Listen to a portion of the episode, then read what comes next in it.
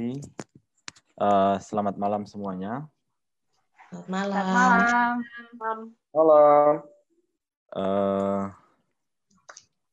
tadi ya, uh, Tesil bilang care group dulunya pernah ikut, tapi nggak sebanyak ini. Jadi gugup-gugup dikit nih. Oke, okay, baik. Um, jadi waktu diajak untuk kasih Bible study, saya bilang oke okay, biasanya saya itu nanti beberapa hari baru saya akan kasih oke okay, kayaknya topiknya ini. Tapi pas waktu diminta lalu diminta udah harus langsung kasih jatuh eh, kasih judul. Jadi saya kasih judul dulu baru pelajari kira-kira isinya itu seperti apa. Jadi dalam tiga minggu ini hampir setiap pagi ayat yang sama Wahyu 3 ayat 20 itu saya baca berulang-ulang baca berulang-ulang. Dan um, Tuhan memberikan apa memberikan sesuatu yang luar biasa bagi saya ya untuk saya pribadi dan yang akan saya bagikan kepada kita semua adalah apa yang saya dapatkan waktu saya membaca ayat ini dalam tiga minggu terakhir setiap hari. Oke, okay, uh, mungkin ada ada yang bisa bantuin share ayat Alkitabnya nggak? Saya nggak punya PowerPoint, ada dari host mungkin ya. Uh, by the way, kalau punya Alkitab silahkan buka Alkitabnya, atau kalau mau catat juga silahkan dicatat untuk dibelajari lagi apakah benar demikian enggak. Ya kan gitu kita belajar sama-sama. Dan nanti sebentar juga ada tanya jawab, ada yang bisa menjawab, silahkan. Pokoknya kita belajar sama-sama lah.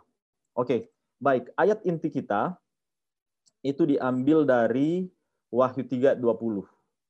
Wahyu 3.20 ya. Dia bilang gini, Lihat aku berdiri di muka pintu dan mengetok jikalau ada orang yang mendengar suaraku dan membukakan pintu, aku akan masuk mendapatkannya, dan aku makan bersama-sama dengan dia, dan ia bersama-sama dengan aku. Jadi yang kita akan lihat malam hari ini, dalam beberapa waktu singkat ke depan, um, ngapain Yesus mau masuk? Terus kalau dia masuk, apa artinya dia akan bersama-sama dengan saya? Terus dia akan makan bersama-sama dengan saya implikasinya itu buat apa? Eh, itu implikasinya itu apa ya saat saat seperti ini? Oke. Yang pertama, kita ingin tanya dulu. Yesus ini mengetuk kepada siapa? Kepada siapakah Yesus datang untuk mengetuk? Nah, kalau punya Alkitab, coba kita lihat ayat uh, ayat sebelumnya ya. Beberapa ayat sebelumnya ayat 17. Ayat 17 dia bilang gini. Ini orang, ini orang yang kepada siapa Yesus berkata bahwa dia sementara mengetuk di pintu. Ayat 17, oke. Okay. Ya, dia bilang gini.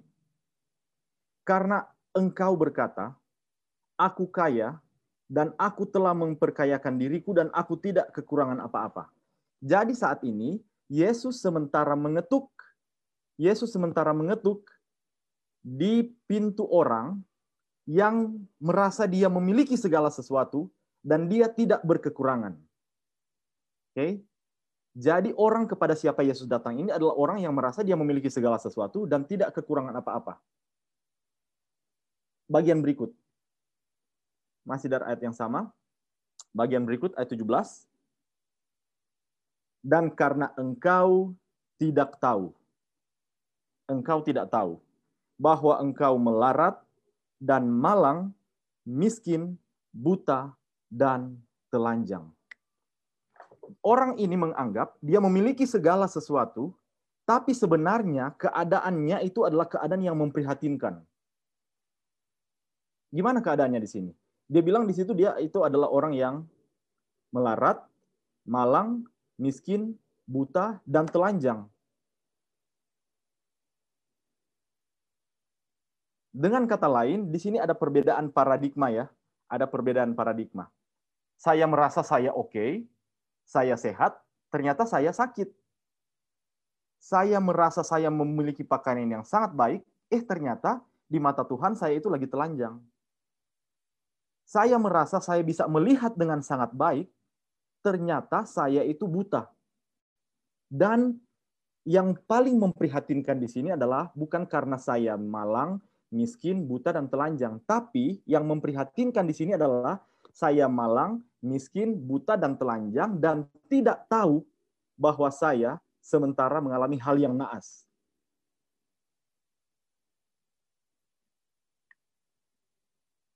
Kita sementara eh, orang ini mengalami hal yang sangat naas. Nah, dengan itulah sebabnya kalau kita baca ayat 18, ayat 18 ya kita baca. Yesus bilang gini ke orang itu, Aku menasihatkan engkau, ayat 18, Aku menasihatkan engkau, supaya engkau, apa di situ bilang? Membeli daripadaku. Apa yang mau dibeli? Emas. Oh ternyata kamu miskin. Kamu butuh apa? Kamu butuh emas agar engkau menjadi kaya. Apa juga yang engkau butuh? Beli dari Tuhan. Apa? Pakaian putih. Mengapa perlu pakaian? Karena dia telanjang.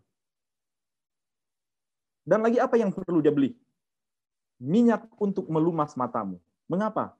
Supaya engkau dapat melihat. Nah, sekarang pertanyaannya seperti ini. Oke, jadi ini orang miskin, buta, malang, melarat, telanjang, dan aku, itu kata Yesus, menasihatkan supaya beli daripadanya. Apa yang beli? Emas, baru pakaian putih, dan minyak untuk melumas matamu. Kamu kan telanjang, jadi perlu pakaian putih. Kamu uh, itu miskin, kamu perlu emas. Dan pertanyaannya di sini adalah, kalau dia miskin, gimana dia bisa beli?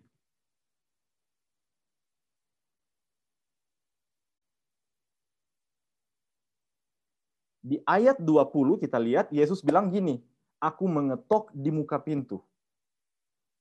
Aku mengetok di muka pintu. Nanti kita lihat sebentar ya. Pertanyaan yang harus kita tanyakan adalah gimana saya bisa membeli kalau ternyata saya itu sangat miskin? Bisa nggak saya membeli sesuatu padahal saya nggak punya apa-apa? Oke, kita ke ayat 20 dulu ya, nanti kita balik sebentar. Yesus berdiri di depan pintu.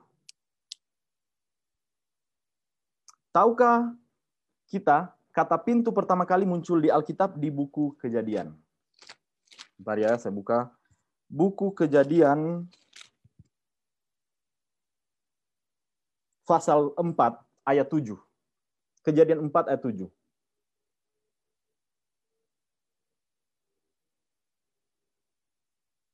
Ada? Oke, saya baca ya. Sementara ditampilkan di situ. Ini Tuhan berkata kepada Kain, sebelum Kain membunuh um, sebelum Kain membunuh Habel ya, ayat 7, dibilang gini, apakah mukamu tidak akan berseri jika engkau berbuat baik, tetapi jika engkau tidak berbuat baik, apa yang ada di depan pintu mengintip? Dosa. Dosa. Dosa sudah mengintip di depan pintu ia sangat menggoda engkau, tapi engkau harus berkuasa atasnya. Di Wahyu 3 ayat 20, itu Yesus berdiri di depan pintu. Di, Wah, eh, di kejadian 4 ayat 7, itu ada dosa.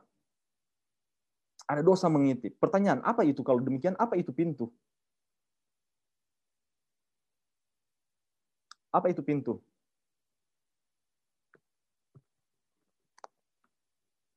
Pintu itu kalau kita bisa lihat beberapa referensi, kita, cut the story short. Kalau ada punya waktu nanti sebentar, kita coba lihat ya. Itu ya bisa ya. Pintu itu kesempatan. Bisa beroleh itu kesempatan. Dan siapa yang mengendalikan itu pintu? Saya. Saya. Kristus berdiri di muka pintu, Kristus tidak akan memaksa untuk masuk. Demikian juga dosa itu mengintip di depan pintu, mencari kesempatan untuk masuk. Hanya ketika kita izinkan dia masuk, dia akan masuk. Dan buktinya, Tuhan mengamarkan Kain kan di kejadian 4. Dosa mengintip di depan pintu. Dan waktu Kain izinkan itu dosa berkuasa, apa yang terjadi? Dia membunuh adiknya Habel. Kita tahu ya? Oke. Jadi itu pintu itu adalah kesempatan dan nanti kita lihat sebentar, uh, arti lain dari itu pintu. Di sini kita lihat kesempatan yang kita berikan. Kita berikan. Oke. Okay. Mari kita lihat. Yesus ingin supaya kita membuka pintu tersebut. Apa yang Yesus buat di apa yang Yesus buat di dalam uh, Wahyu 3:20? Yesus sementara mengetok. Yesus sementara mengetok dan dia bilang, jika ada orang yang mendengar apa? Suaraku. Pertanyaan. Bagaimanakah kita bisa mendengar suara Tuhan? Atau dengan cara apakah Kristus mengetok dan memperdengarkan suaranya kepada kita. Bagaimana kita mendengar suara Kristus? Melalui firman-Nya. Itu jelas. Jadi setiap kali kita mendengar firman Tuhan, entah pagi, entah malam, entah di radio, entah di uh, di promise, Anda baca, itu adalah suara Tuhan yang sementara mengetok. Itu suara Tuhan sementara mengetok dan meminta supaya kita berikan kesempatan dia untuk masuk. Nah, mari kita lihat sekarang. Jika jika kita membuka pintu, Kristus akan apa kata di situ? Kristus akan masuk Yesus akan masuk mendapatkannya. Oke, mari kita lihat konsep masuk ini konsep yang luar biasa. Menurut saya setidaknya ya. Oke, mari kita buka Matius 12. Matius 12. Kita lihat Matius 12 sebentar. Matius 12 ayat 29.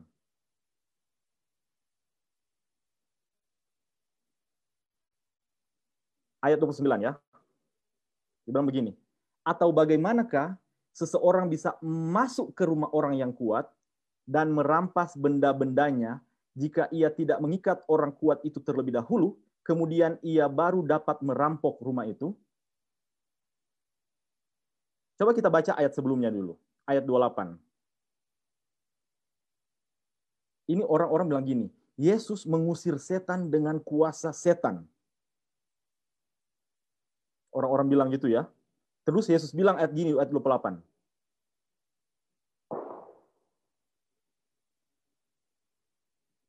Ayat 27 kita mulai mungkin.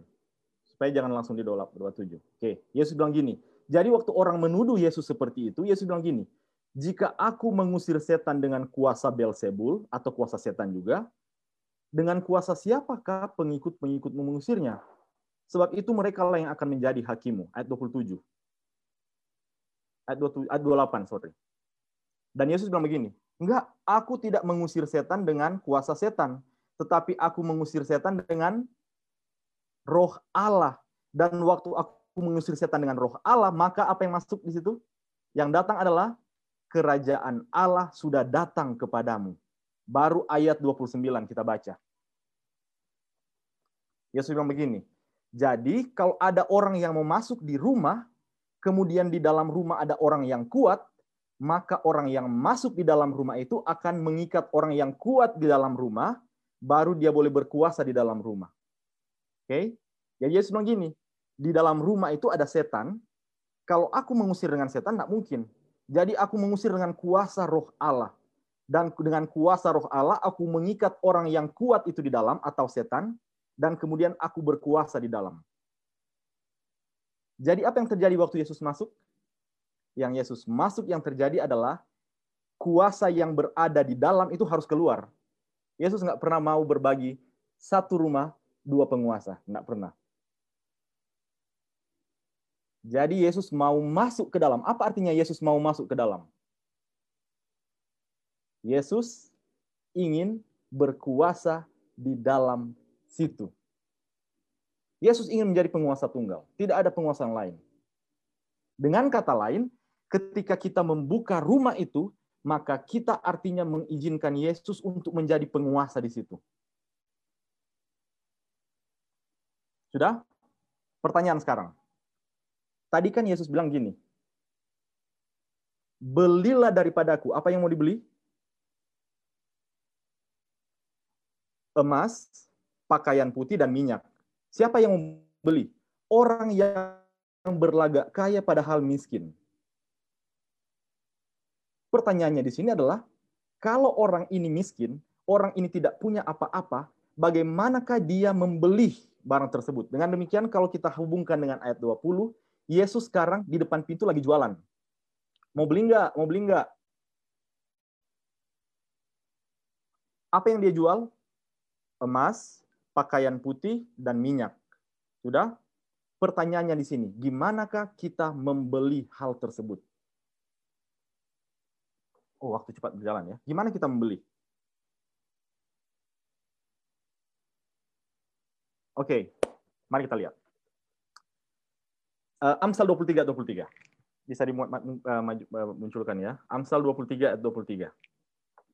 Ya, kita memilih Kristus, yes, benar sekali. Memilih Kristus. Caranya gimana? Amsal 23 23 bilang begini. Belilah apa? Belilah kebenaran jadi ketiga hal itu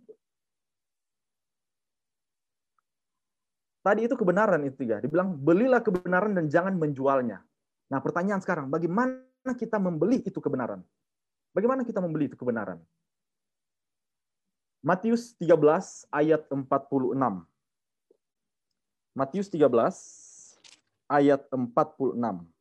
Ayat 4 ayat 46 ya. Kita ingat cerita ini ya, tentang mutiara yang berharga. Setelah ditemukannya mutiara yang sangat berharga, ia pun pergi menjual. Apa yang dia jual? Miliknya. Seluruh miliknya. miliknya. Dia jual semua yang dia punya. Tapi ada satu yang jauh lebih berharga daripada miliknya. Kita ingat ayat, sekalipun orang berlimpah-limpah hartanya, Apa yang lebih berharga dari harta kita? Nyawa kita. Yang lebih berharga dari harta itu nyawa. Orang rela kehilangan semua harta benda mereka supaya bisa memperoleh kesehatan. Mereka ingin menyelamatkan nyawa kita, nyawanya. Jadi bagaimana membeli itu? Membelinya dengan nyawa kita. Ego kita. Lah, Tuhan kan aduh aku sayang banget nih, aku suka banget nih mainan gini, ini game ini kan kayak gini. Saya bilang, mau nggak beli? Mau nggak aku masuk? Mau nggak kamu beli ini? Mau nggak kamu menukar ego kamu dan seterusnya? Ingat, waktu Yesus membeli kita, gimana cara Yesus beli kita? Dia membeli kita dengan mati di kayu salib. Mati di kayu salib. Dia memberikan nyawanya untuk membeli kita. Dengan kata lain, kalau kita ingin membeli kebenaran itu, maka harga yang sama adalah membeli itu dengan nyawa kita. Mari kita buka Filipi 2. Filipi pasal 2.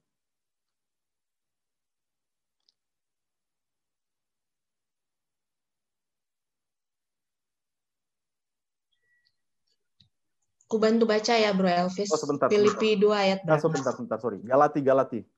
Galati. Oh, Galati. Sebentar ya. Galatia.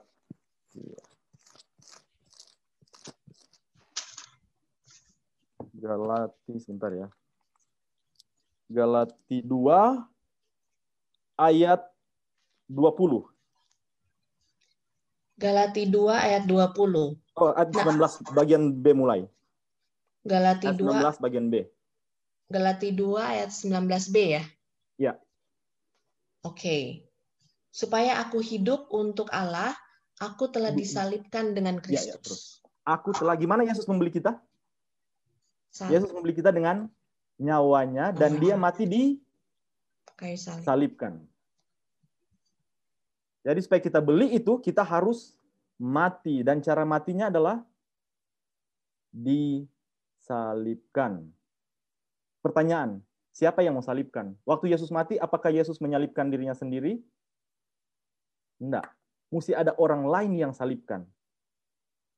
Mesti ada orang lain yang melakukan hal tersebut. Ini mati, kita tidak bisa melakukan hal tersebut.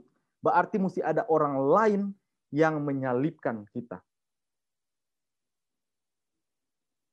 Yang kita buat hanyalah menyerahkan diri kita untuk mati. Menyerahkan, Yesus menyerahkan. Oke? Okay? Baca ayat 20.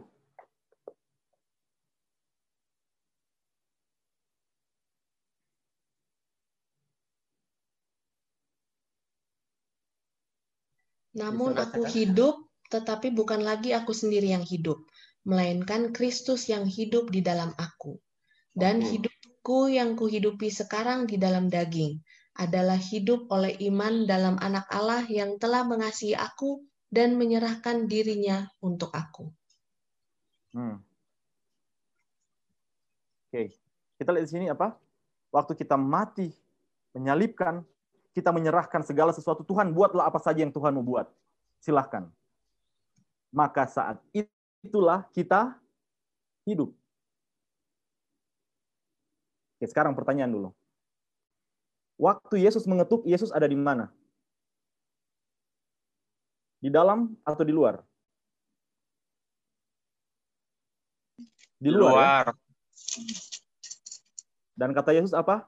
di titik-titik aku kamu tidak dapat berbuat apa-apa. Di luar aku kamu tidak dapat berbuat apa-apa. Lah, bukankah saya sementara melakukan sesuatu? Oke, Yesus bilang, di luar aku. Coba baca 1 Yohanes 5 ayat 12. 1 Yohanes 5 ayat 12.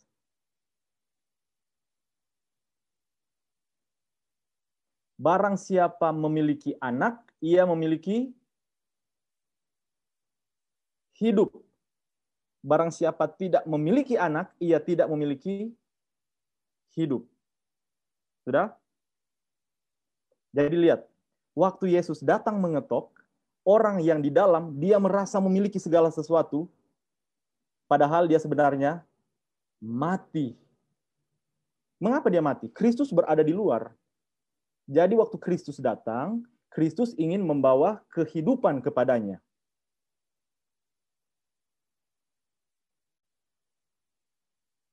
Kristus ingin datang untuk membawa dan supaya bisa hidup, maka kita harus membiarkan alam melakukan apa pun.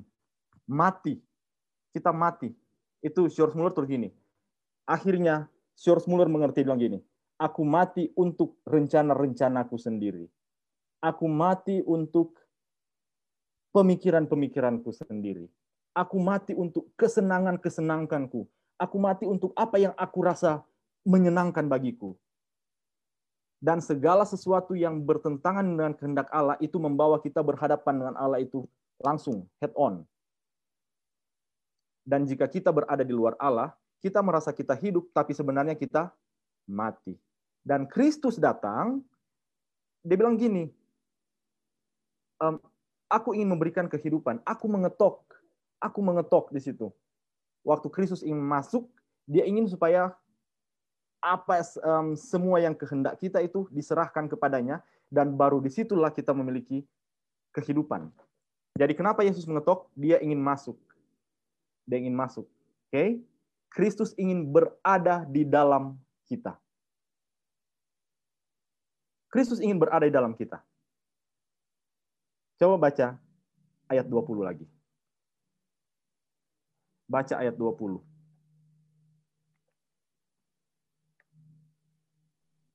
Pasalnya sama, bro. Oh, sorry. Um, Wahyu 3, 20.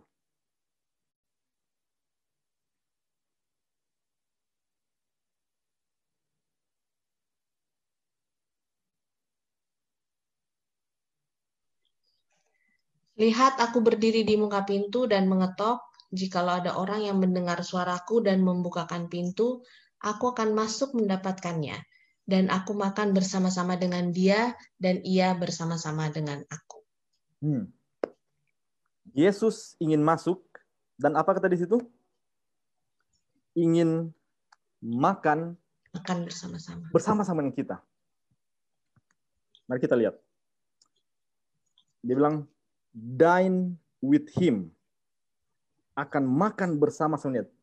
Kata makan di sini itu sama dengan yang ada di Lukas 22 ayat 20. Lukas 22 ayat 20.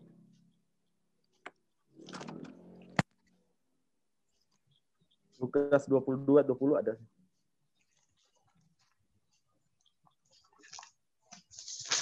Kapan ini terjadi?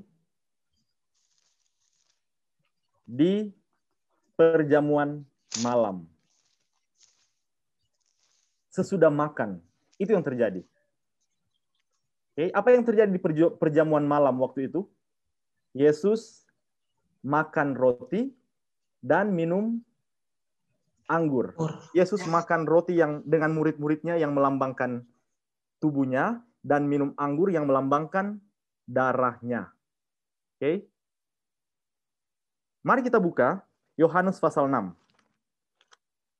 Kenapa penting sekali untuk makan? Yohanes 6 ayat 53. Yohanes 6 ayat 53. Oke, tinggal beberapa menit lagi ya. Dibilang gini, aku berkata kepadamu, sesungguhnya jika kamu tidak makan daging anak manusia dan minum darahnya, kamu tidak mempunyai hidup di dalammu. Ini yang Yesus bawa, makan. Kenapa? Di dalam itu kamu mati, di dalam rumah. Kalau saya di luar rumah itu kamu mati di dalam.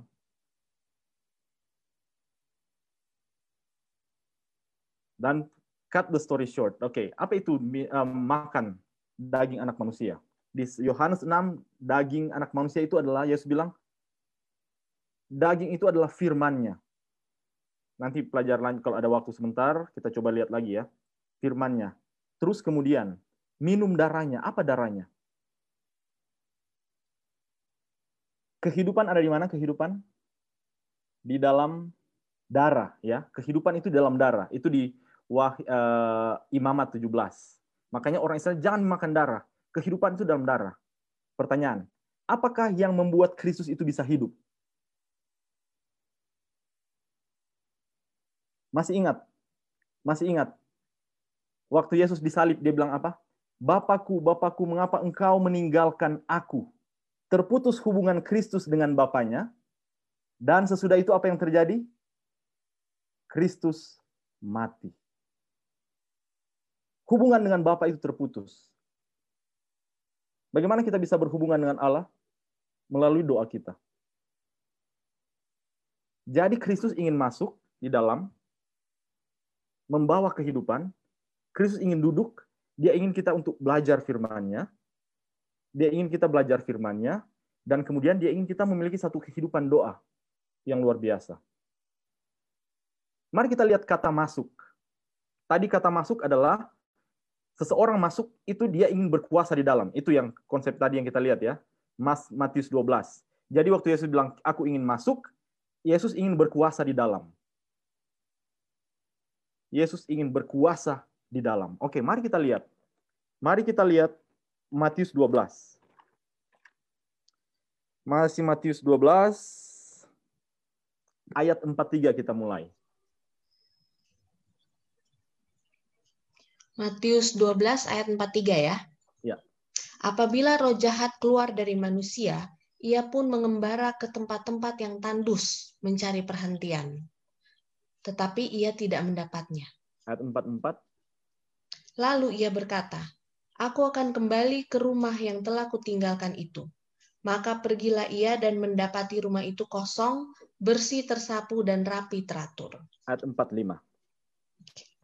Lalu ia keluar dan mengajak tujuh roh lain yang lebih jahat daripadanya, dan mereka masuk dan berdiam di situ. Oke, apa dikata situ? Masuk dan berdiam. Berdiam. Oke, masuk bukan hanya masuk, dia ingin tinggal di situ. Jadi Kristus waktu di um, Wahyu 3:20 dia mengetok Kristus tidak ingin menjadi tamu saja dan kemudian keluar. Waktu dia masuk, dia ingin tinggal di dalam. Dia ingin jadi pemilik di situ. Dan kita lihat efeknya di ayat 45. Bisa baca lanjut enggak? Ayat 45? Iya, lanjut. Maka okay. maka akhirnya keadaan orang itu lebih buruk daripada keadaannya semula. Demikian juga akan berlaku atas angkatan yang jahat ini. Oke, jadi konsep yang kita baca di sini adalah roh jahat sudah keluar, tapi dia balik lagi. Waktu dia balik lagi, dia tinggal, dan waktu dia tinggal, apa yang terjadi dengan orang itu? Orang itu menjadi lebih jahat. Apa prinsip yang kita bisa ambil di sini? Kata masuk di sini bukan cuma masuk saja, tapi ingin tinggal. Dan ketika sesuatu atau seseorang tinggal di situ, maka yang ditinggali itu pasti berubah. Kalau di ayat sini berubah menjadi lebih jahat. Kenapa? Setan yang masuk. Tetapi di Wahyu 3 ayat 20, ketika kita membuka pintu, izin diberikan dan Kristus masuk di situ, maka orang yang mengizinkan Kristus untuk masuk bukan cuma masuk sebagai tamu dan keluar lagi, tapi mereka izinkan Kristus masuk, diam di situ, maka akan terjadi perubahan yang besar di situ. Dan itu yang Yesus ingin rubah, bukan? Itu yang Yesus ingin rubah. Orang ini tadinya buta, malang, miskin, melarat, telanjang. Yesus ingin datang, masuk, tinggal di situ, dan mengubah kehidupannya. Oke, mari kita lihat konsep konsep ini ya. Oke. Kita bisa balik lagi ke Galati 2 tadi ayat 20.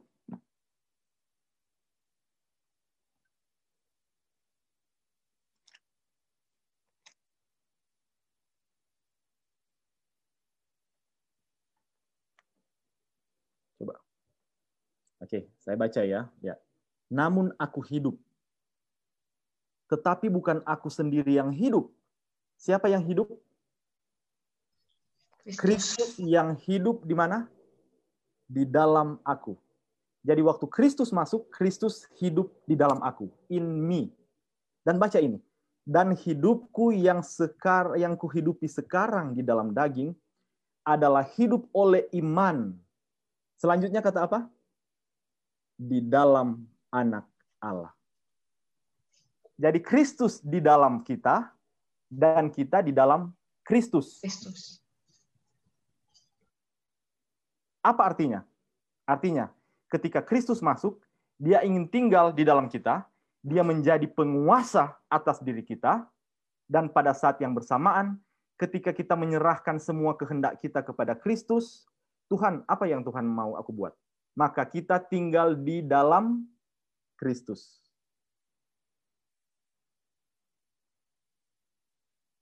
Yohanes 5. Yohanes 5 ayat sebentar. Ayat 19.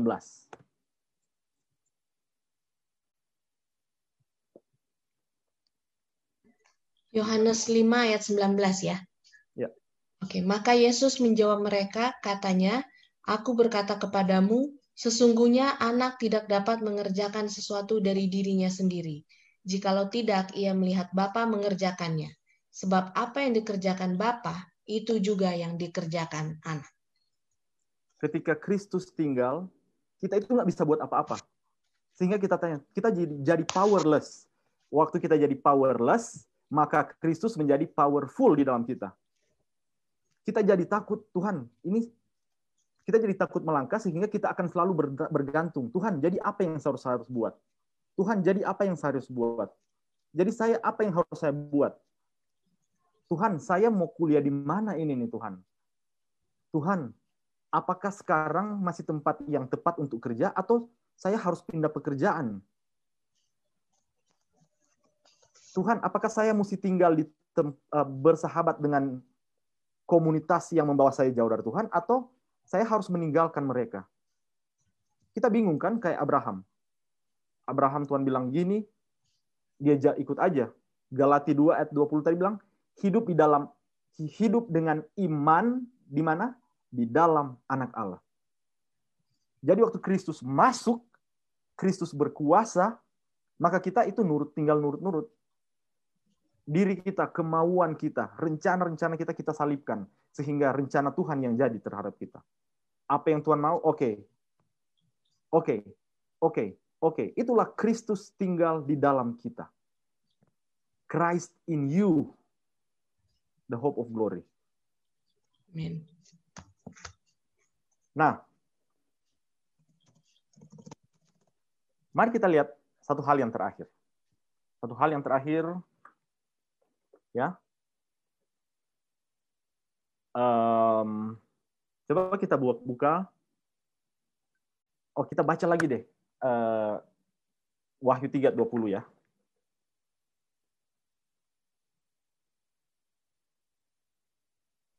Wahyu 3:20. Baca lagi, Bro. Ya. Wahyu 3 ayat 20, Lihat, aku berdiri di muka pintu dan mengetok. Jikalau ada orang yang mendengar suaraku dan membukakan pintu, aku akan masuk mendapatkannya dan aku makan bersama-sama dengan dia dan ia bersama-sama dengan aku.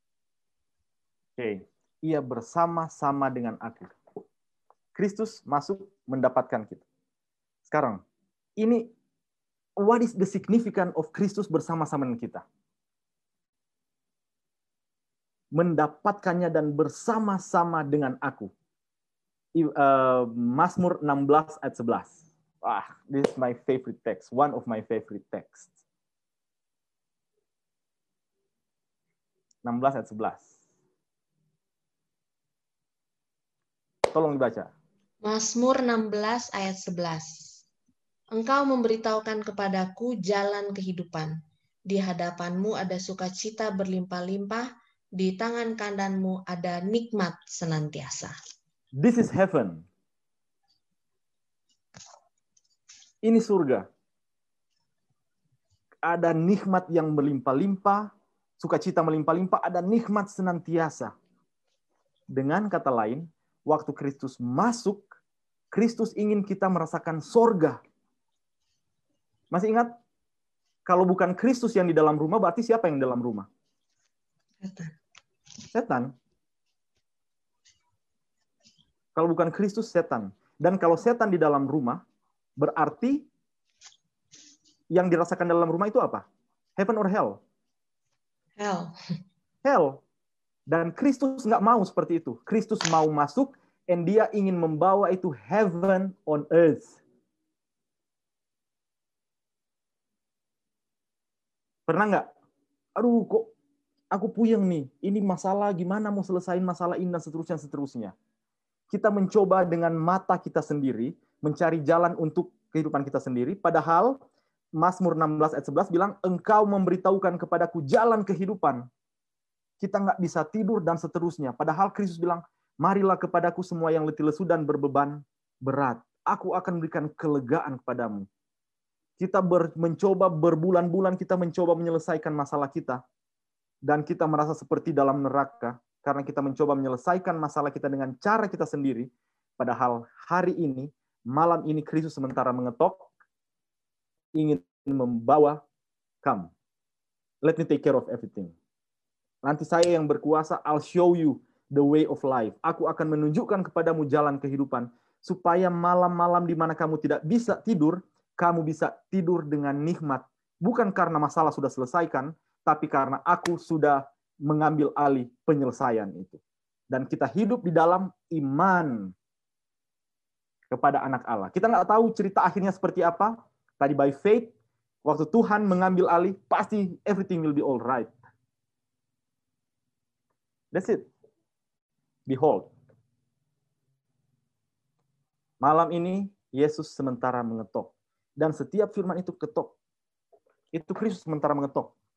Kristus mengetok, mengetok, mengetok, mengetok. Nah, pertanyaannya gini. Kalau di dalam rumah itu ada berapa pintu ya?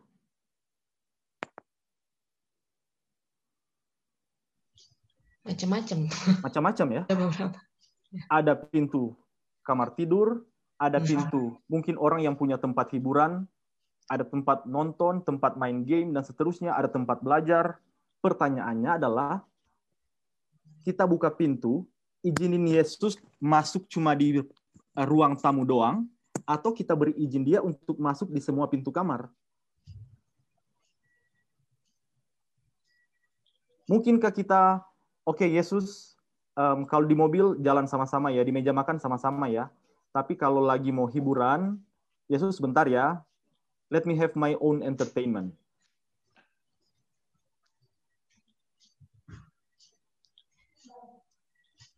Atau kalau lagi mau pilih musik, musik ah, aku ada kamar sendiri nih tempat dengar musik. Yesus, uh, tolong duduk di, uh, di kamar sini aja ya. Aku mau masuk di kamar musik dengerin musik. konsep Yesus masuk, itu Yesus ini mengambil alih segala sesuatu. It's very clear. Dan ketika Yesus mengambil alih segala sesuatu, maka akan ada perubahan. Itu yang kita lihat tadi ya. Tapi kalau di Matius 12, itu perubahan menjadi lebih jahat. Tapi kalau di sini Kristus masuk berarti dia punya uh, kebalikannya ya. Kristus mengubah menjadi sesuatu yang jauh lebih baik. Nah, saya ingin tutup dengan satu cerita nih. Ini saya suka sekali untuk share ceritanya. Jadi ceritanya gini. Ada satu orang, dia lagi bergumul. Satu malam, katanya, ceritanya, itu datang ada ketukan di depan pintu. Tok, tok, tok, tok, tok, tok. Dia buka pintunya. Pas dia buka pintunya, dia lihat setan. Dia tutup. Uh, mereka uh, dorong-dorongan di pintu. Akhirnya setannya pergi. Tapi setannya bilang gini, besok aku balik lagi, bawa lebih banyak. Ah, terus besoknya ketukan di pintu. Dia buka dua, oh dia mereka dorong dorongan dorong dorongan keringat banyak, tapi akhirnya pintu berhasil ditutup. Dah. Dan dia ingat, oh aku undang Yesus kali ya. Dia undang Yesus. Oke, Yesusnya masuk. Yesusnya masuk, dia kasih tempat yang sangat istimewa di kamar paling atas. Yesus ini kamarmu ya. Tinggal di sini. Oke, I stay here. Besoknya datang lebih banyak. Ketuk pintu. Waktu dia buka lebih banyak, uh, mulai dorong-dorongan lagi. Mulai mereka saling mendorong, saling mendorong di pintu, dorong-dorongan, dorong. Oh, dia udah powerless, powerless. Baru dia ingat, oh ada Yesus di atas. Dia lari ke atas, dia lari ke atas, dia buka pintu. Yesus tolong, ini ini saya di banyak banget di bawah. Yesus turun. Pas Yesus turun, yang setan-setan di pintu begini, oh sorry. Yesus tanya gini, ngapain kalian di sini? Baru begini, oh sorry, salah rumah. Mereka langsung lari, kabur. Terus orang itu tanya ke Yesus gini, Yesus, kok enggak dari tadi sih kamu turun? Saya udah keringatan nih. Kok enggak dari tadi? Yesus bilang gini, kan saya dikunci di atas. Saya terkunci di atas, enggak punya akses ke mana-mana. Hanya nanti jika kamu kasih akses, baru saya bisa kontrol semua. Dan waktu saya kontrol, everything will be alright. And that's what Jesus is doing. Terakhir kita baca Wahyu 3 20. Wahyu 3 20 bisa baca lagi. Wahyu 3 ayat 20. Lihat, aku berdiri di muka pintu dan mengetok.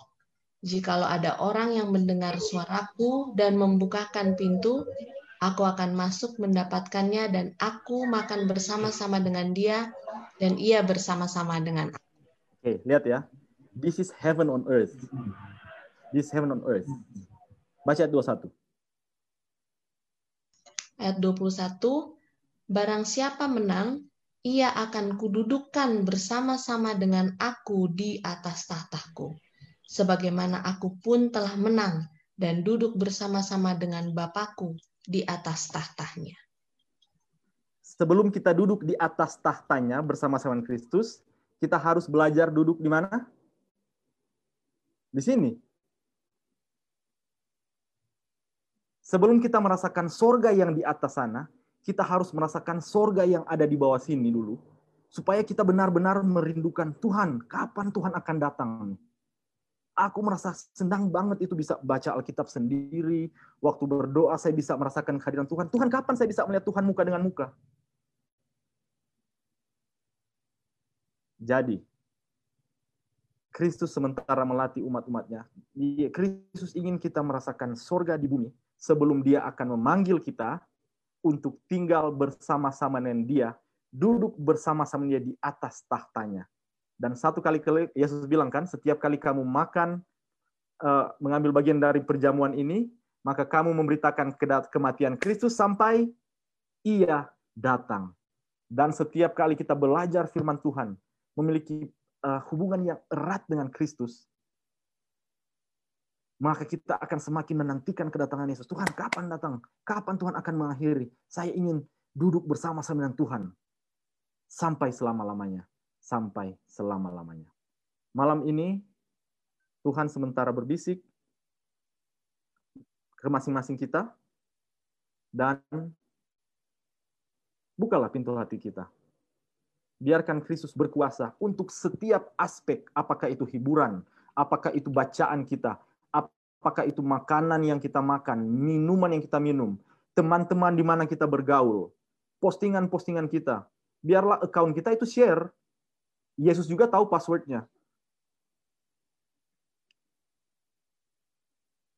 Cara kita menghabiskan waktu, cara kita menggunakan, dan seterusnya. Kristus ingin kita merasakan surga di dunia, sementara kita menanti kedatangan Yesus yang kedua kali. Tuhan memberkati kita semua. Amin. Amin. Puji Tuhan. Thank you, Bro Elvis. Oke, aku um, apa namanya? I'm very amazed.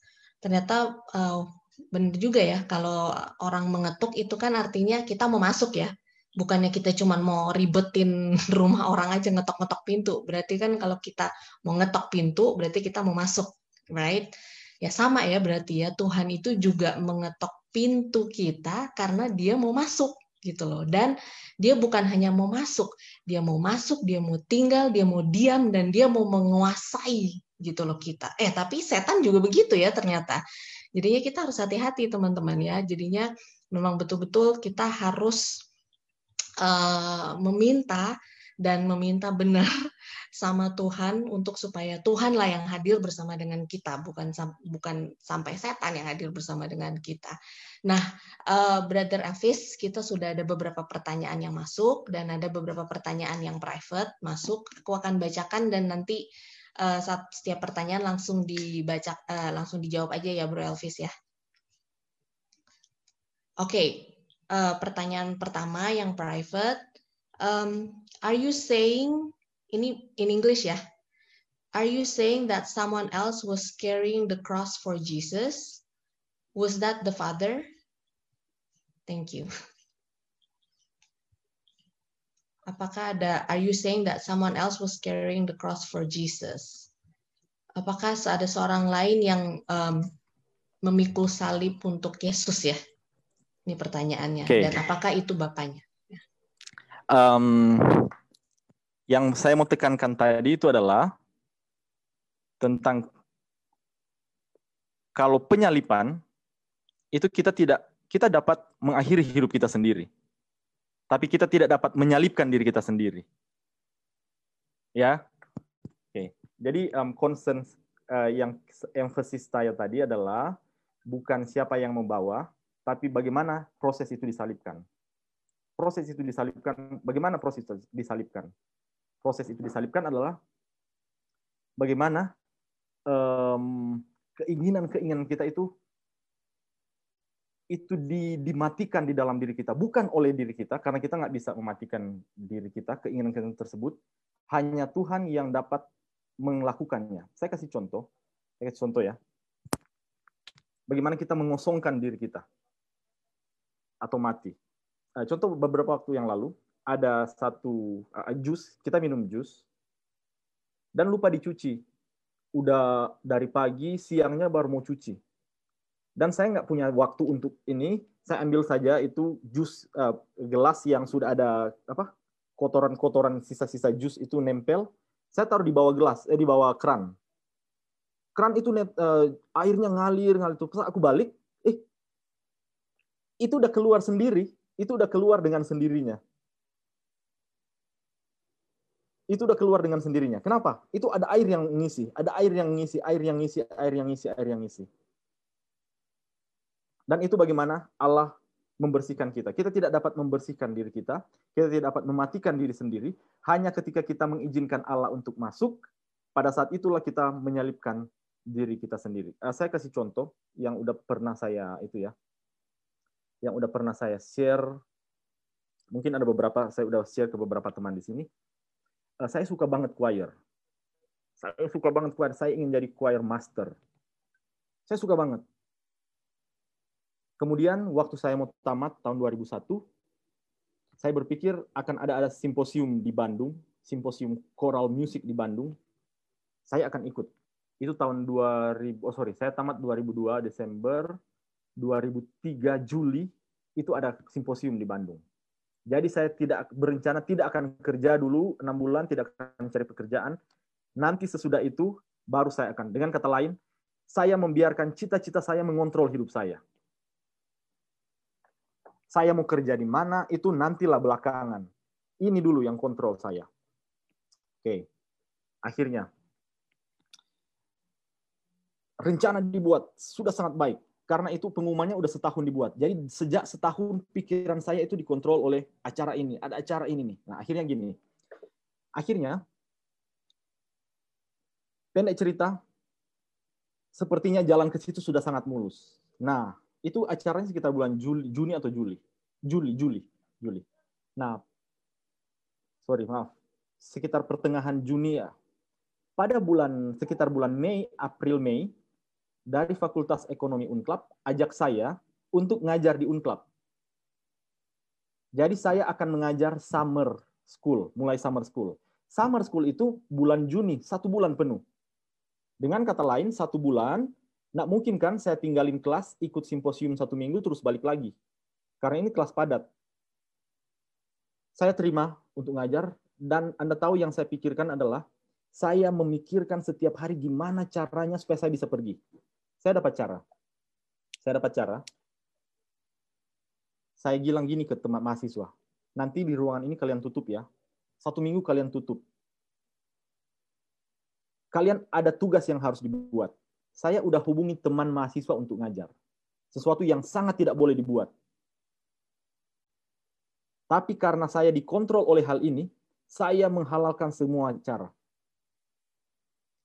Rencana sudah dibuat dengan sangat baik. Sekarang mau cari tiket. Harga tiket waktu itu 1,5 juta tahun 2002, Manado, Jakarta. Cari-cari tiket itu nggak dapat. Cari-cari tiket itu nggak dapat. Nah, saya dapatnya acaranya hari Minggu, saya dapat tiketnya hari Jumat siang. Berangkatnya hari Sabat pagi. Sebelum hari Jumat siang, hari Jumat pagi, saya tinggal dengan orang tua saya udah kerja, pagi kerja, jadi saya sama-sama dengan oma di rumah, Kemudian kita lagi berdua lagi sarapan, terus oma saya cerita. Oma saya ceritanya gini. Oma saya dulu itu ada perang antara tentara pusat dengan tentara daerah ya. Nah, oma saya itu kerjaannya waktu itu adalah beli obat dari apotik di Manado, terus dibawa ke kampung-kampung dijual. Jadi beli di sini jual. Nah, satu pagi, ini oma saya cerita ya. Satu pagi dia udah tunggu di terminal orang udah janji mau bawa obat ke dia karena udah dibayar dari farmasi. Mobil itu dari Manado ke kampung itu sehari satu kali jam 7 jam 8 pagi. Dia udah tunggu, mobilnya udah mau jam 8, orang yang janji membawa obat belum datang. Jam 8 dia harus buat keputusan. Tunggu obatnya berangkat besok atau pulang ke kampung tanpa bawa obat. Oma saya memutuskan pulang ke kampung tanpa bawa obat. Dia pulang. Sampai di satu kota di antara Manado dan kampung, semua penumpang mobil itu disuruh turun. Ini cerita oma saya. Dan kemudian diperiksa semua orang. Waktu diperiksa, om ada satu penumpang kedapatan membawa obat. Pemerintah pusat periksa, membawa obat. Mereka curiga obat ini akan digunakan untuk membantu tentara-tentara daerah. Jadi apa yang dibuat?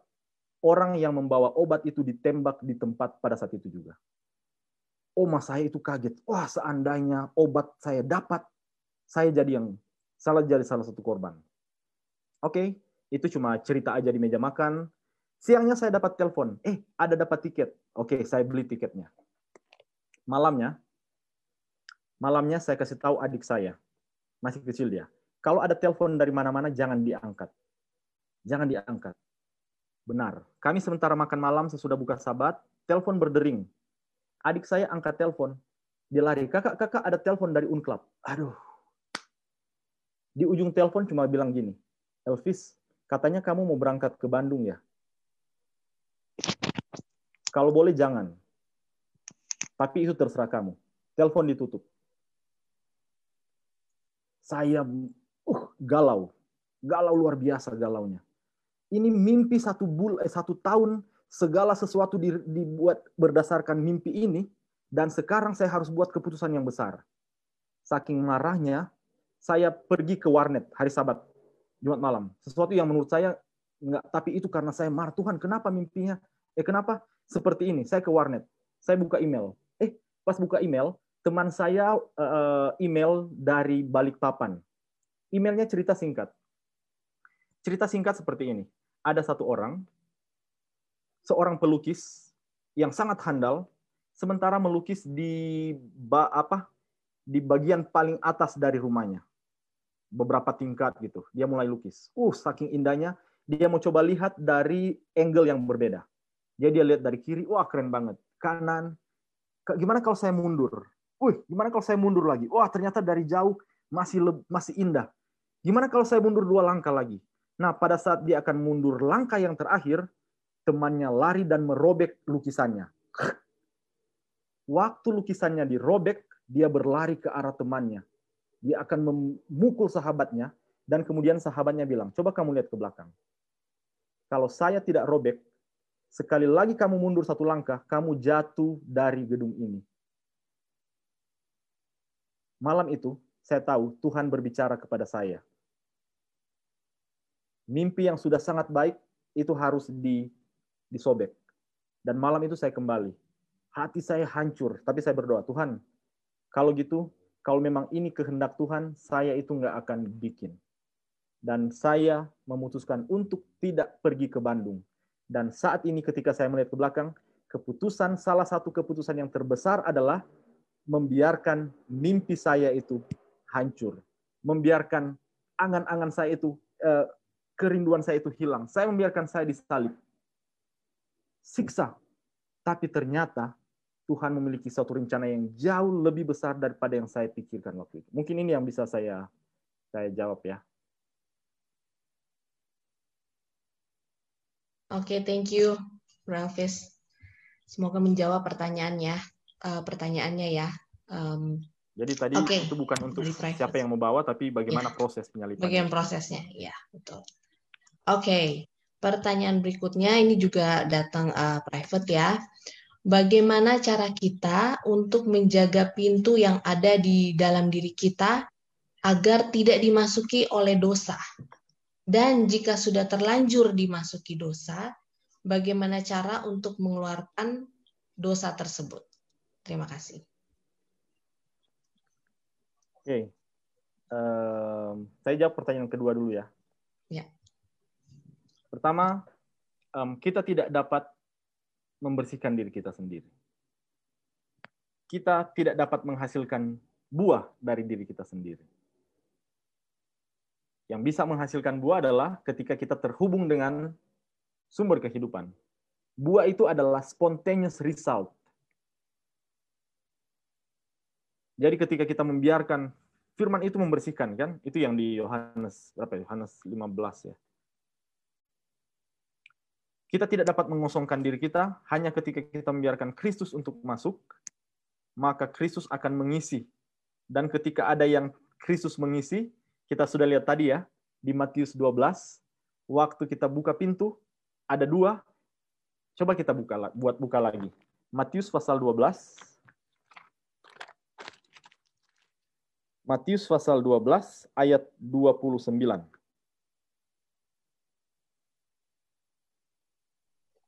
Matius 12 ayat 29. Iya.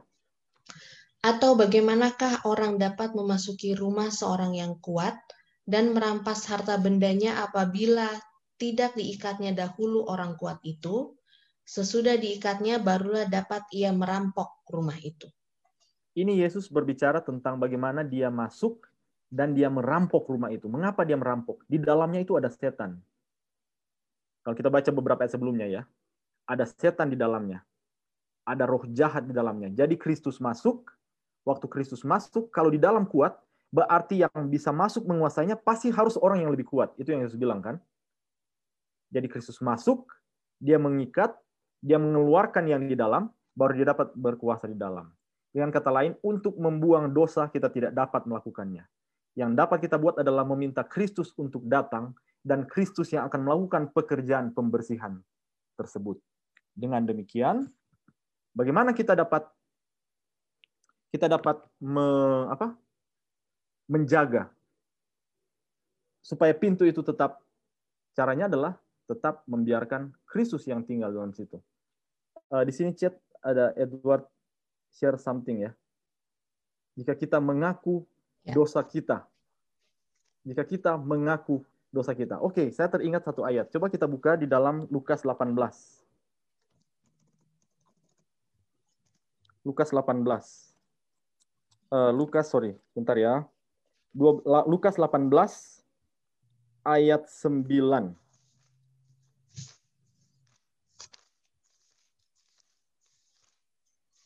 Ada orang yang menganggap dirinya benar.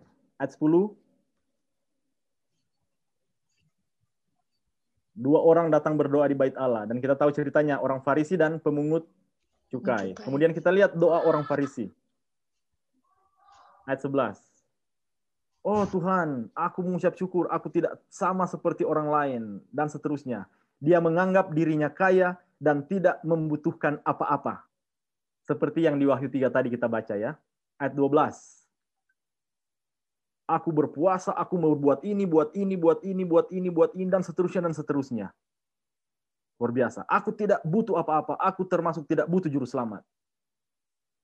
Ayat 13 ada orang lain, pemungut cukai, bahkan dia berdiri jauh-jauh, tidak berani. Dan apa yang dia katakan? Ya Allah, kasihanilah aku, orang berdosa. Ayat 14. Siapa yang dibenarkan? Orang Farisi itu pulang ke rumah sebagai orang yang miskin, buta, melarat, dan telanjang. Tetapi orang yang merasa tidak punya apa-apa, waktu dia berdoa, dia pulang ke rumah sebagai orang yang dibenarkan. Dia dipakaikan pakaian yang baik, dia memperoleh emas, Kristus bersama-sama dengan dia.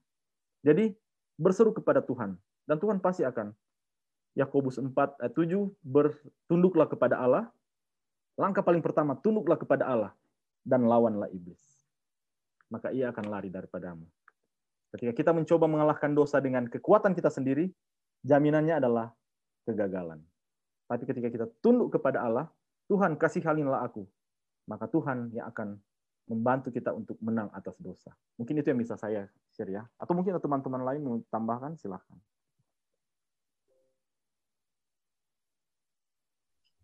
Sorry, tadi kepencet Oke, aku rasa udah cukup jelas tadi uh, penjelasannya, jawabannya. Thank you, Bro Elvis. Oke, next question dari uh, Sister Francia dari Bali. Pertanyaannya, um, apakah ketika kita sudah mengizinkan Kristus masuk, itu artinya selamanya dia akan ada bersama dengan kita? Atau ada kemungkinan lain yang membuat itu berubah? Oke, masih ingat? Sebentar ya, saya mau coba cari di mana itu? Galati 1 itu bentar. Filipidu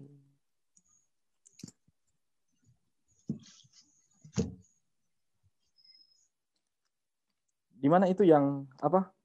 Paulus bilang I die daily. Di mana itu sebentar? Saya coba cari di ini I die daily sebentar ya. This is powerful verse. 1 Korintus 15 ayat 31.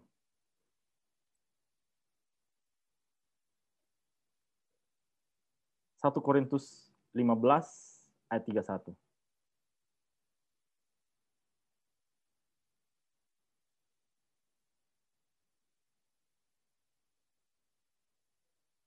Ah, saya suka terjemahan Oh iya, baru.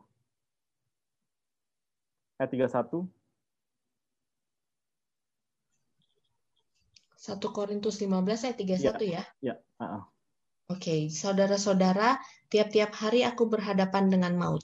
Okay. Demi di situ aja. Okay. Bahasa di ayat bilang setiap hari aku menghadapi kematian.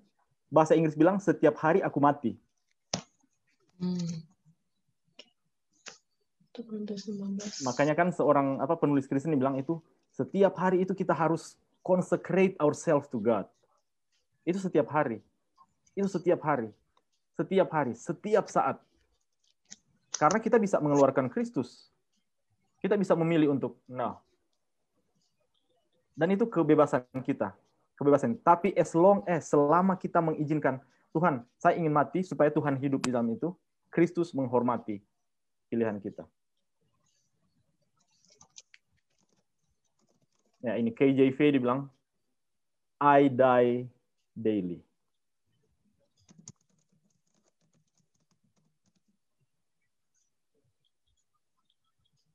Oke. Okay. Oke, okay, kita next question ya. Pertanyaan berikut ini datang dari Putra dari Jakarta. Saya mau bertanya, yang dimaksud pintu di Wahyu 3 ayat 20 itu pintu apa? Hatikah? Tadi sih udah dijawab ya kesempatan. Oke. Okay. Kita baca lagi. Ya. Um, pertama kali dia muncul itu tadi di kejadian 4 ayat 7 ya. Kejadian 4 ayat 7. Di emphasis lagi ini. Kejadian 4 ayat 7.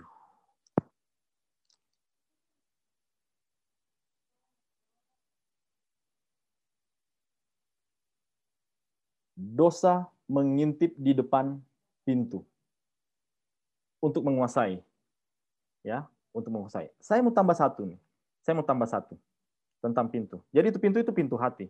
Pertama itu hati kita. Kita membuka. Allah memberikan kita kuasa untuk memilih. Pilihlah kamu pada hari ini. Itu kan kata Yosua ya. Pilihlah kamu pada hari ini kepada siapa.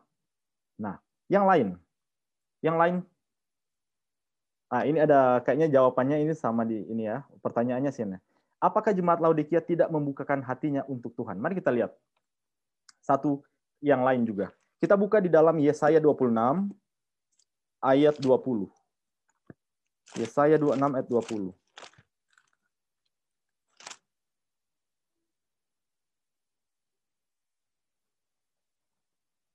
Ya, ada di sini ya. Dia begini. Mari bangsaku, ini Tuhan yang berfirman Masuklah ke dalam kamarmu, tutuplah pintumu sesudah engkau masuk, bersembunyilah barang sesaat lamanya sampai amarah itu berlalu. Pintu itu pintu itu adalah sesuatu yang mengizinkan atau menghalangi kita memiliki hubungan yang intim dengan Tuhan. Lihat di sini Tuhan bilang, mari masuk di kamar dan tutup pintu. Kalau pintunya tetap ditutup, nggak bisa masuk dari luar. Nggak bisa kita tinggal dengan Kristus di dalam. Jadi, um, salah satu yang bisa saya share di sini adalah waktu saya baca ini, pintu itu adalah segala sesuatu yang menghalangi kita untuk memiliki waktu yang intim dengan Tuhan. Itu pintu. Pintu itu bisa medsos, overuse, medsos. Pintu itu bisa hal-hal yang baik, tapi mengambil waktu kita dengan Tuhan. Itu bisa kesibukan kita ini my personal opinion ya. Anything. Mengapa? Itu mengambil waktu yang intim kita dengan Tuhan, menghalangi kita Tuhan kita sehingga kita tidak memiliki hubungan yang intim. Mungkin itu yang bisa saya share. Jadi berdoa, Tuhan, apakah yang membuat saya itu tidak memiliki waktu yang intim dengan Tuhan? It can be anything. Mungkin itu ya. Tapi saya mendorong teman-teman yang bertanya itu untuk selidiki lebih dalam lagi. Saya hanya bisa ini sesuai dengan apa yang bisa saya share ya. Mhm. Oke, okay, berdoa jadinya. Oke, okay, nah ini pertanyaan berikut. Um, ini pertanyaan sekaligus dia ini statement juga sih, bro. Jadi jika Tuhan begitu dekat di dekat di depan pintu kita, kadang ada doa yang benar-benar didoakan sejak lama dan niatnya pun baik, tapi terasa tidak pernah terjawab, Kak. Jadi sepertinya dia masih agak bingung kenapa bisa seperti itu. Oke. Um, saya coba jawab sesuai pengalaman ya. ya. Pendek, pendek. Jadi gini, one thing for sure, one thing for sure ketika kita berdoa, sesuatu yang besar terjadi di sorga. It, this is for sure. Itu for sure. Wahyu pasal 4 itu pasal yang luar biasa. Pasal yang luar biasa. Jadi satu hal, ketika kita berdoa, sesuatu yang besar itu terjadi. Sesuatu yang besar itu terjadi. Cuma mungkin kita saja yang nggak tahu dia punya jawaban atau ada proses di mana. Nah, contoh, waktu saya di Jakarta, pertama kita tinggal di BSD. Saya takut sekali ke Jakarta untuk nyetir. Dari BSD ke Jakarta itu takut sekali untuk nyetir. Karena pertama macetnya luar biasa, terus kalau hujan, kalau banjir itu saya nggak tahu mau jadi seperti apa. Karena waktu dari Manado sebelum ke Jakarta, 2014, lihat kalau banjir, uh, mobil itu, ah, pokoknya gitulah.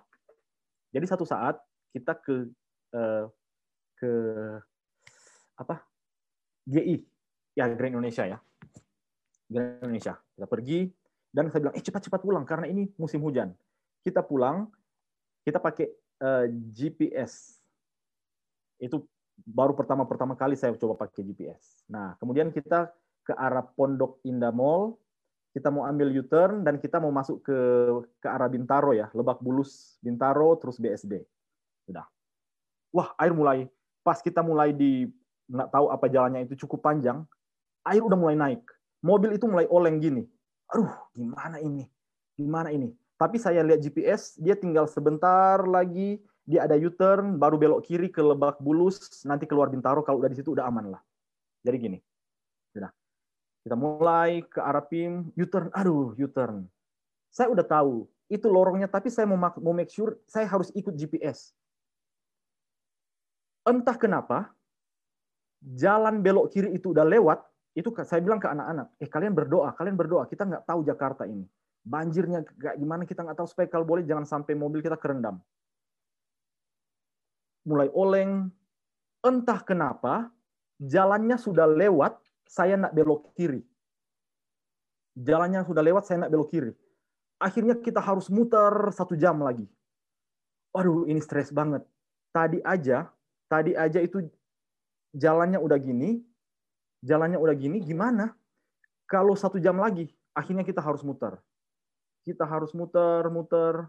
Pas muter, hujannya mulai reda. Dan pas kita balik lagi ke tempat di mana tadi mulai oleng, itu udah nggak udah nggak oleng lagi. Tapi akhirnya saya sudah tidak akan melewatkan yang kedua. Waktu saya lihat ini arah belok, saya belok ke situ. Tak. Waktu saya belok ke situ, saudara-saudara tahu apa yang terjadi? Udah kurang lebih 30 menit airnya ah, hujan berhenti, tapi airnya itu masih sampai di pas batas pintu. Gimana kalau satu jam yang lalu saya udah belok di situ? Mungkin mobil saya itu sementara terendam di situ. Dan saya berterima kasih, saya Tuhan, saya saya mengeluh Tuhan kok Tuhan kasih biar saya nggak belok dari tadi ya. Tapi ternyata Tuhan mengizinkan itu untuk menyelamatkan saya. Jadi Tuhan sudah melakukan sesuatu. Ini di, ada di chat, jikalau kamu tinggal di dalam aku dan firmanku tinggal di dalam kamu, mintalah apa saja yang kamu kehendaki dan kamu akan menerimanya. The question is, waktunya kapan? Jawabannya seperti apa? It is up to God. Yang penting kita tahu, ketika kita memiliki hubungan dengan Tuhan, Tuhan itu akan, God will take care of everything. Kita percaya Tuhan. Kenapa? Semakin kita berat berhubungan dengan Tuhan, semakin kita mengenal Tuhan itu baik. Tuhan, Tuhan Allah yang penyayang, Allah yang panjang sabar, berlimpah kasih dan setianya. Dan ketika jawaban itu doa sepertinya tidak dijawab, kita percaya Tuhan akan adalah Allah yang sama yang berlimpah kasihnya dan tahu yang paling baik buat saya paling baik buat kita semua. Oke, mungkin itu yang bisa saya itu ya. Amin.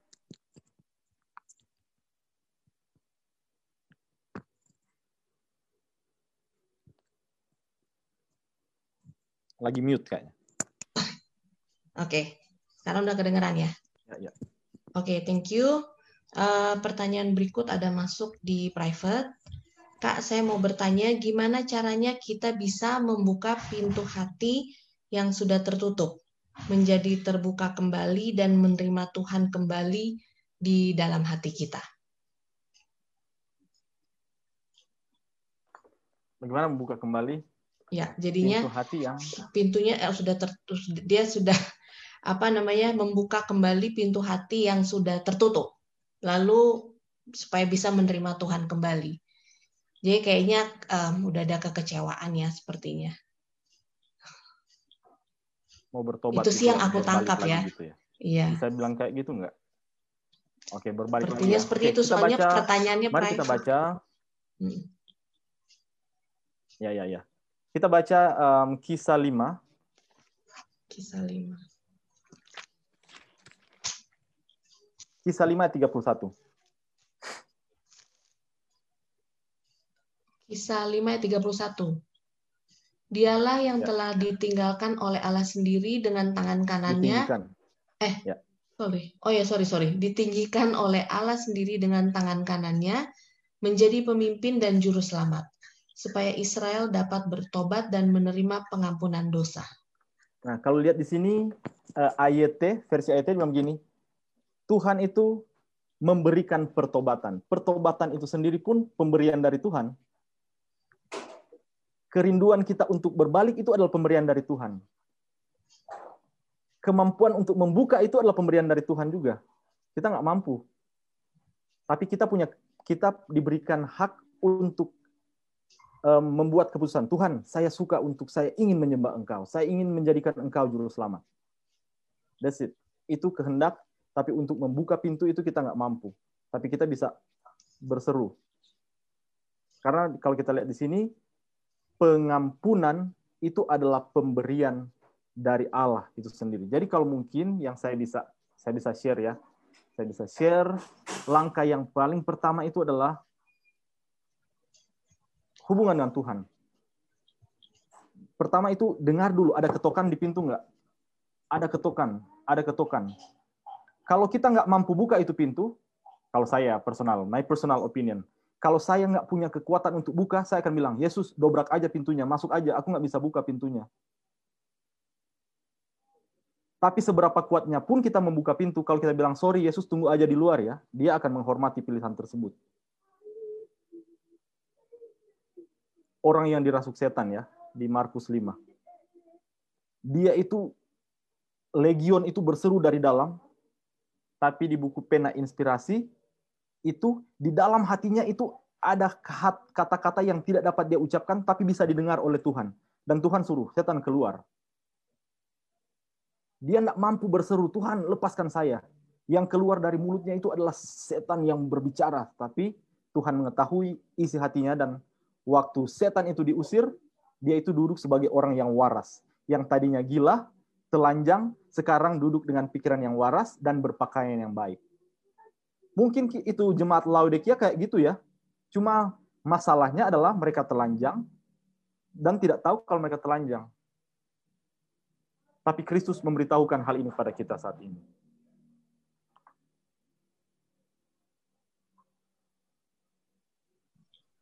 Oke. Ini ada juga tambahan-tambahan di chat ya. Ya, ya terima kasih dari yang, yang tambah-tambahin thank ya. you yang udah tambah-tambahin. Itu bisa dibaca juga.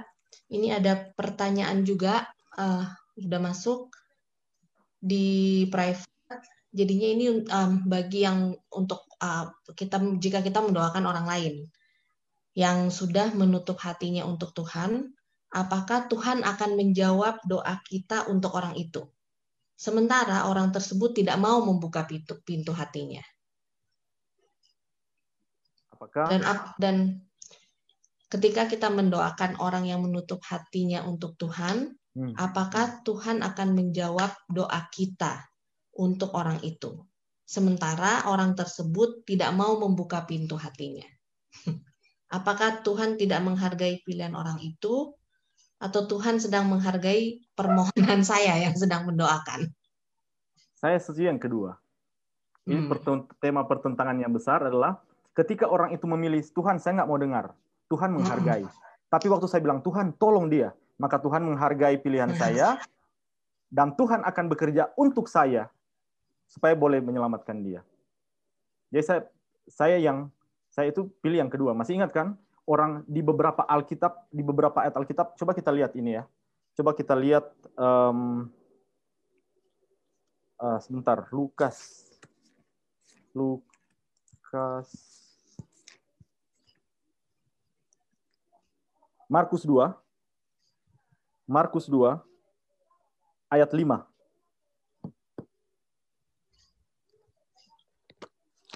Markus 2 ayat 5 Kenapa orang itu disembuhkan?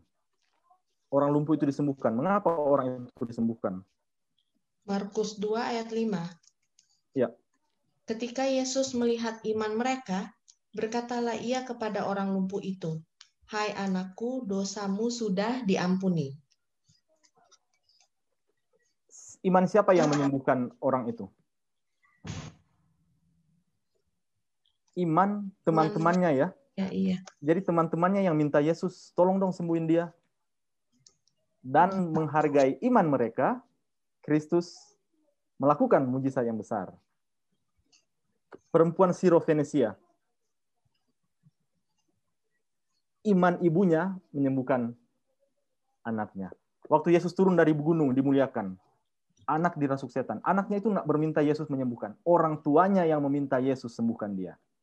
Dan imannya iman orang tua menyembuhkan anak itu. Jadi Allah menghargai pikiran dan ketika kita mendoakan orang yang sepertinya itu Allah menjawab karena saya memiliki kehendak untuk membawa dia. Mungkin ini saatnya kita pilih siapa ya yang akan saya bawa. Ketika seseorang tidak mampu datang ke tahta kasih karunia, kita dapat membawa nama mereka di tahta kasih karunia dan sebagai jawaban atas permohonan kita, Allah akan melakukan sesuatu.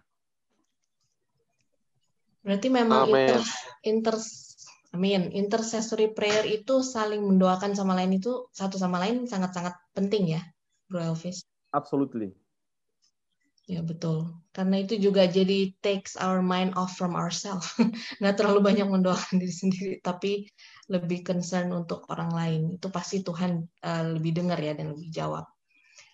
Oke, okay. ini ada pertanyaan juga yang uh, sudah masuk di chat room kita. Kak mau tanya, bagaimana cara menyikapi orang yang ingin Tuhan yang ingin Tuhan ada dalam hidup yang ingin Tuhan ada dalam hidup dia, tapi hanya mau Tuhan menjawab dan mengabulkan apa yang dia mau saja. Bukan ah, wait. Tapi hanya mau Tuhan menjawab dan mengabulkan apa yang dia mau saja, bukan untuk menuntun hidupnya. Makasih. Ngerti nggak, Bro? Pertanyaannya. Ya, bisa. Okay. Bisa. Semoga um, yang pengertian saya sesuai dengan uh, yang mencoba disampaikan penanya tadi ya. Ya. Jadi kita menginginkan Tuhan untuk mengontrol, tapi ada hal-hal yang kita nggak mau kasih. Dengan kata lain, dia hanya jadi sebagai tamu. Kalau kita lihat tadi, Kristus bukan hanya jadi tamu, dia ingin masuk menjadi tuan rumah. Dan Kristus tidak mau jadi hanya sebagai tamu aja. Take it or leave it. Kristus itu hanya menginginkan saya menjadi yang pertama atau tidak sama sekali. Jadi if we want to take control of ourselves, then do it. Tapi kalau kita meminta Yesus, maka kita harus menyerahkan semua. Surrender, penyerahan itu adalah sepenuhnya. Penyerahan itu sepenuhnya, bukan setengah-setengah.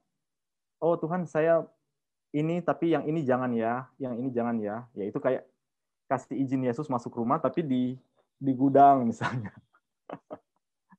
Jadi ketika dikunci kita di atas menyerahkan, tadi, dikunci oh, gitu, di atas. Kunci, kuncinya di atas ya. Jadi Dikurung. ketika kita menyerahkan itu sepenuhnya, full control. Jadi itu kan entah jiwa kita yang bertakhta dan Kristus kita salibkan, atau Kristus yang bertakhta dan diri kita disalibkan. Keinginan-keinginan kita disalibkan. Nggak bisa duduk. Self and Christ itu nggak bisa tinggal sama-sama. Uh, mungkin ini pertanyaannya lebih ke cara menyikapi orang tersebut kali kak. Jadi Maya mungkin punya teman yang demikian. Jadi hmm. gimana nih cara menghadapi orang yang punya mindset kayak gini? Oke, okay. kita harus tahu satu. Oh, saya pikir kita semua tahu ya. Yaitu yang pertama, nobody can change someone's heart. Kita tidak bisa, saya tidak bisa, saya bisa memaksa anak saya ikut saya, tapi saya tidak bisa mengubah hatinya. Saya tidak bisa mengubah hati sahabat saya. Yang bisa mengubah dia hanyalah Kristus. Yang hanya bisa mengubah Kristus. Seperti orang tua yang kita lihat tadi ya. doa orang tua. Anaknya itu, orang tuanya itu, anaknya lagi kerasukan. Orang tuanya itu nggak bisa bikin apa-apa. Yang dia bisa buat adalah hanya membawa anak itu kepada Kristus dan Kristus yang mengubah anak itu. Jadi mungkin pertanyaannya adalah bagaimana supaya sahabat saya berubah? Padahal mindsetnya seperti itu. The answer is take time untuk membawa dia kepada Kristus. Uh, mungkin saya cerita satu ya. Saya cerita satu tiga menit aja ya. Boleh. Ada satu orang, satu orang menghubungi saya. Saya dihubungi bilangnya gini, aduh saya udah depresi di gereja nih. Saya depresi di gereja. Kenapa? Saya ketemu di gereja, saya senang melayani gereja, tapi kalau ketemu orang itu, itu saya marah sekali, tapi saya hanya bisa senyum. Senyum doang. Dan saya pengen, kalau bisa nggak usah masuk lagi gereja, nggak usah masuk gereja lagi. Waktu dia bilang itu, di dalam hati saya, saya marah. Kok kasih tahu saya? Emang saya bisa bikin apa? Jadi, saya mengambil waktu, saya tidak memberitahukannya, itu sekitar hari Selasa ya. Saya tidak memberitahukannya. Saya mendoakan dia jam 6 pagi, jam 9, jam 12, jam 3, jam 6, jam 9. Saya mendoakan dia. Saya mendoakan dia dan saya bilang begini ke Tuhan, Tuhan, dia itu, Tuhan kalau boleh, Tuhan itu nggak usah jalan sama-sama dengan saya. That's fine. Saya udah merasakan gimana nikmatnya berjalan dengan Tuhan. Tuhan jalan saja dengan dia. Saya melakukan itu. Hari Seninnya, sesudah satu minggu ya, Selasa ke Senin. Dia telepon, dia bilang gini. Dia bilang gini, ternyata nggak tahu gimana. Waktu saya ke gereja barusan, itu perasaan itu udah hilang. Perasaan marah tersebut udah hilang. Pertanyaannya adalah siapa yang rubah? Intercessory prayer.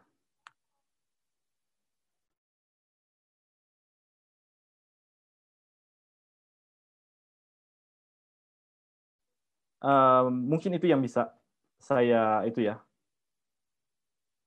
intercessory prayer. Kita bisa hanya bisa mendoakan mereka. Setuju. Oke, okay. uh, ini mungkin uh, pertanyaan kita yang terakhir ya di malam hari ini. Uh, it's okay. Oke, okay, berarti ini um, pertanyaan terakhir ya, Bro Elvis. Ya, ya. Um, bagaimana supaya ini uh, masuknya private by the way. Jadi bagaimana supaya saya bisa mendengarkan Tuhan mengetuk kepada saya, mengetuk pintu hati saya. Ada dua, saya pertanyaan yang sama saya tanya ke diri saya tadi pagi waktu belajar. Dan saya cari Tuhan itu bicara seperti apa. Ada Tuhan berbicara dengan keras, ada saat di mana kita hanya bisa mendengar suara Tuhan ketika kita memiliki waktu kita secara khusus.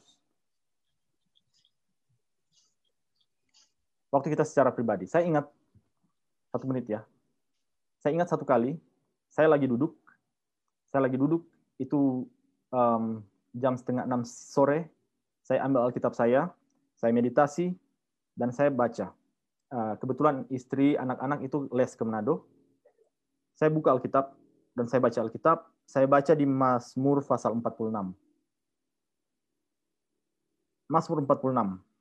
Kemudian sampai di ayat 11. Diamlah dan ketahuilah bahwa akulah Tuhan. Pas sampai di situ, saya ditelepon. Saya ditelepon. Um, Papa, jam anak yang kedua itu ketinggalan di bus. Aduh, stres saya jam. Nilai historis jam itu luar biasa.